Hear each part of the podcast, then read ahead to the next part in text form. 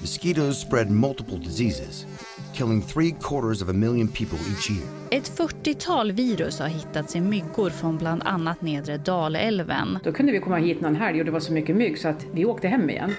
Myggor är mer än en irriterande sommarplåga. De kan också vara bärare av virus och parasiter. Dengue was one of the most painful illnesses I've ever had. There's a real reason why it's called breakbone fever. I had West Nile virus. The very beginning was the darkest because it was so frightening and I was so ill. På en kvart får du veta varför vi riskerar att stå inför en myggsommar och hur arter som nilfebermyggan hotar att föra med sig allvarliga sjukdomar till Sverige.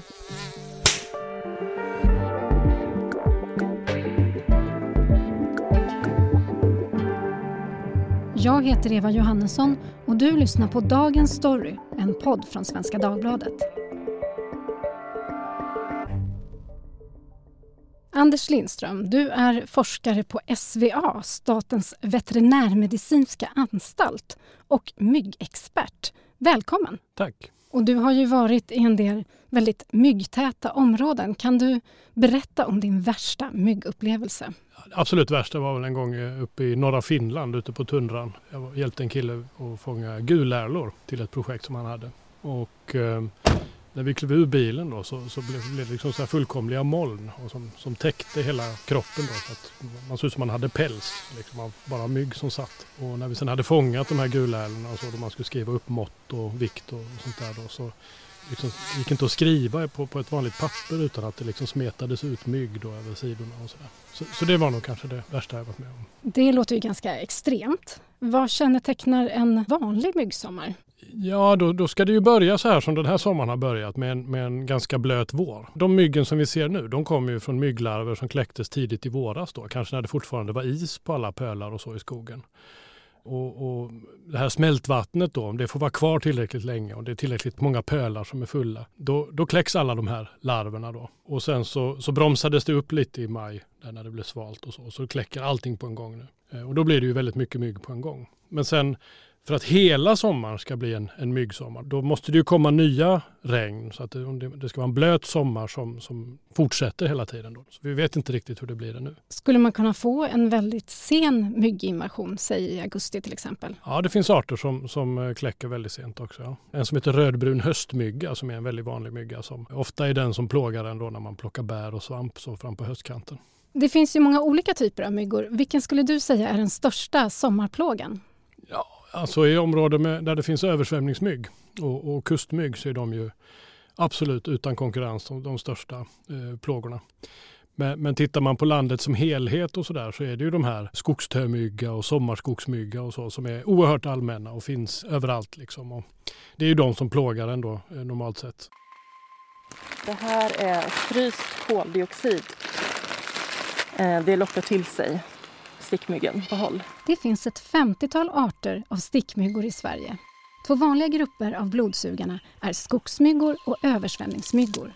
Skogsmyggornas ägg övervintrar på marken och kläcks på våren. Det kläcks bara en generation mygg varje år. Översvämningsmyggornas ägg kan överleva i flera år. Och till skillnad från skogsmyggorna är de lika aktiva på dagen som på kvällen och de är mer aggressiva.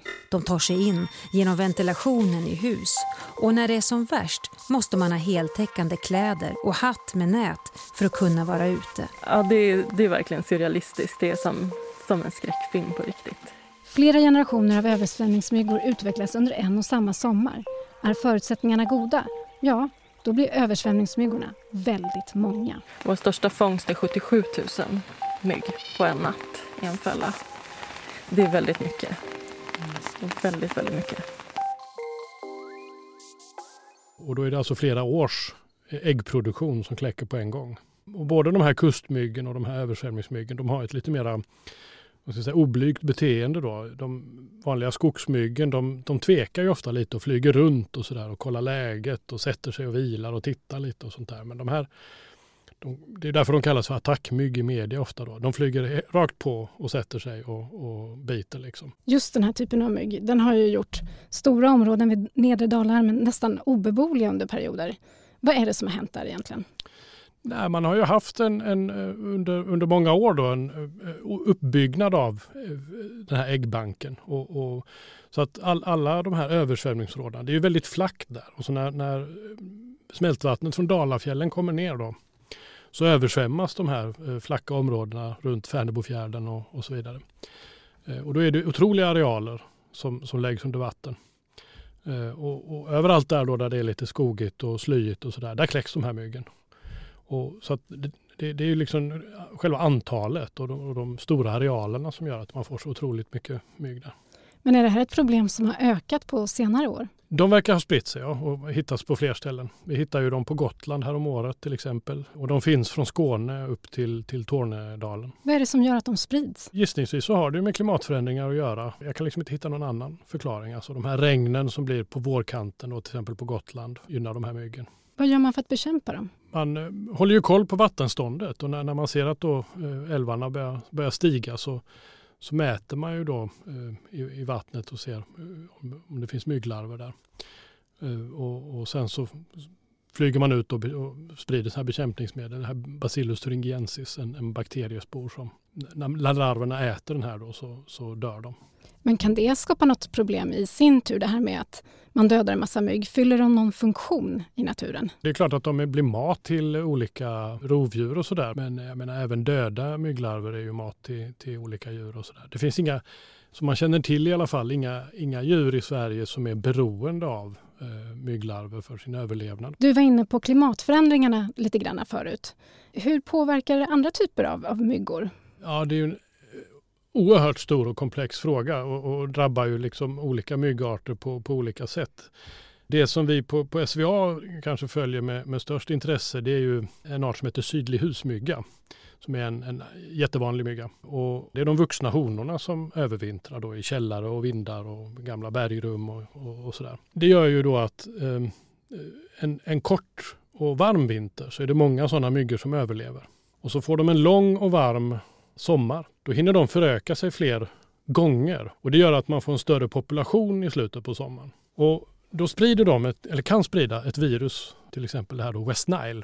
Om vi då får sådana här stora populationer av den här myggan så ökar ju risken eller sannolikheten då för att vi ska få, kunna få utbrott av, av de här virussjukdomarna. Då. Har det varit några sådana fall i Sverige? Det finns ju en, en, sjukdom som påminner ganska mycket om West Nile som heter Osoto. Den drabbar inte människor lika hårt då, men, men den drabbar framförallt koltrastar. Så att när den kommer till ett område så, så kan man hitta ganska mycket döda koltrastar. 2018 då så kom den till norra Tyskland och 2019 så hittade vi en död koltrast på, på Öland som visade sig ha dött av det här. Då. Och det man också ser är att den brukar komma några år innan West Nile. Eh, och vi har West Nile i, i Tyskland, ända upp till Östersjökusten. Eh, förra året hade man de första fallen i, i Holland och så vidare. Eh, så att om vi då får de här stora populationerna av sydlig husmygga så då är det ju liksom bara viruset som saknas. Och det sprids ju med flyttfåglar. Men West Nile, vad är det för typ av sjukdom vi pratar om då? Hur, hur slår det mot människor? Det är lite som med TB, alltså de flesta kanske inte märker så mycket men några kommer att bli ganska sjuka och få hjärninflammation. Och av, av de som får det så, så är det liksom en liten andel som, som också avlider. Och, och jag tror inte att om, om vi skulle få det till Sverige att vi skulle få några sådana jätteutbrott utan eh, det kommer att vara enstaka fall då med människor som insjuknar och förhoppningsvis klarar sig. Okay, I want to test her for malaria and anemia. The results, we'll get the results now. Det finns 33 000 kända myggarter i världen. Dit räknas många olika sorters flygfän som stickmyggor, harkrankar och knott bland annat. Bland myggorna finns också några av världens farligaste djur. Malariamyggorna, som är bärare av parasiten plasmodium, dödar hundratusentals människor varje år. One of the world's most deadly diseases and also one of the most difficult to contain. The world's population lives in malarial regions. Right now there is no effective vaccine. En annan plågoande är gula febermyggan som sprider sjukdomar som dengue, gula febern och zika. Dengue is strong relationship between the population of mosquitoes and climate change itself. Och även i Sverige finns det idag flera sjukdomar som kan överföras från mygga till människa. Ja, vi har ju tularemi till exempel, eh, harpest. Eh, det kan ju smitta på många sätt då, men också eh, då med myggor. Och då är det framförallt den här rödbruna höstmyggan som, som verkar sprida det. Sen har vi ju det här ockelbosjukan som också är ett virus och precis som West Nile och Soto då så är det ett, framförallt ett fågelvirus men som, som då kan spridas till människor. Eh, men det är inte lika eh, vad ska man säga, farligt och, och man blir inte lika sjuk som av West Nile. Nu pratar vi om ganska otäcka saker och otrevliga myggor. Finns det någon mygga som är värd att lyfta fram av något annat skäl? Nej, men det finns ju många myggor som, som, som inte är till, till något större bekymmer och sådär som är, som är värda att titta närmare på. Uh, och jag, har, jag har massor med favoriter. Jag säger hela tiden att det här är en av mina favoritmyggor märker jag när jag pratar om dem och så. Det finns um, men en favorit är ju till exempel den här grodmyggan som, som bara biter då groddjur. Eh, och eftersom de är kallblodiga och, lite svåra att upptäcka då med, så här, med koldioxid och kroppsvärme så, där, så har de ju istället utvecklats så att de hör när grodorna sitter och spelar. Och, organ, och liksom orienterar efter ljudet då, så letar de upp de här grodorna och, och tar ett blodmål. Då. Och, eh, otroligt eh, underrapporterad i Sverige. Man, det var liksom bara några enstaka fynd av den, men nu när, man, när jag började leta så hittade jag den överallt. Då, liksom både vuxna myggor och, och, och, larver. Larverna är stora och knallgröna och sådär skitsnygga. Men för den som ska semestra i Sverige i sommar, har du några speciella myggråd till dem? Alltså om man semestrar i slutet på sommaren så, så, minskar ju risken för att man drabbas av de här myggen i alla fall. Och, eh, alltså områden där alltså jordbruksmarker och sånt är ju ofta sämre för, för mygg än, än om man är ute i skogen eller liksom uppe i norra Sverige eller sådär. Allting beror på hur känslig man är. så att säga. Jag, jag, är inte så superkänslig till exempel, så för mig är det inte ett, ett, stort problem. Du var ju inne på det här med känslighet. Det finns ju många teorier om varför myggor väljer att sticka vissa personer mer än andra. Som att de dras till svett eller att det är vissa typer av blodgrupper som de dras till. Vad säger egentligen forskningen där? De gillar svettlukt, de eh, gillar eh, vissa blodgrupper, alltså noll, blodgrupp 0 är mer attraktivt verkar det som än, än övriga blodgrupper. Eh, sen har det med ämnesomsättning att göra. Om man utsöndrar mycket koldioxid. Om det skulle komma in en mygga här nu så skulle den då liksom försöka hitta den som, som utsöndrar mest koldioxid förmodligen. Så, och sen så ser de kroppsvärmen så de kan se då om, om, om jag är en halv grad varmare än du så, så, så, skulle jag då vara mer attraktiv för de här myggen och de skulle välja mig då förmodligen framför dig. Och sen också mikroorganismer på huden utsöndrar dofter som, som eh, myggorna Eh, gillar. Man har gjort experiment i, i Afrika då med, med ostar. Eh, det finns en del ostar som innehåller samma bakterier som, eh, som vi har på fötterna. Just malariamyggor är ganska, de gillar fötter då, så att de orienterar ju efter de här ostarna då, lukten från de här ostarna eller från, från fötter och sådär. Så att och sen i slutändan så är det ju någon samman, så gör ju myggan någon slags sammanvägning av det här, vad som är mest attraktivt. Alla de här dofterna och värmen och, och allt det där gör ju då liksom att, att myggan väljer den ena eller den andra personen. Talar det till din fördel? Är du en myggfavorit eller är du det inte? Jag är ingen jättefavorit, nej, även om jag har blodgrupp 0. Om man vänder på det då, hur mycket gillar du mygg? Mer än de allra flesta skulle jag säga. Jag skulle gissa att jag är bland, bland de eh, i Sverige som gillar mygg mest. Tack så jättemycket för att du kom hit, Anders. Tack själva.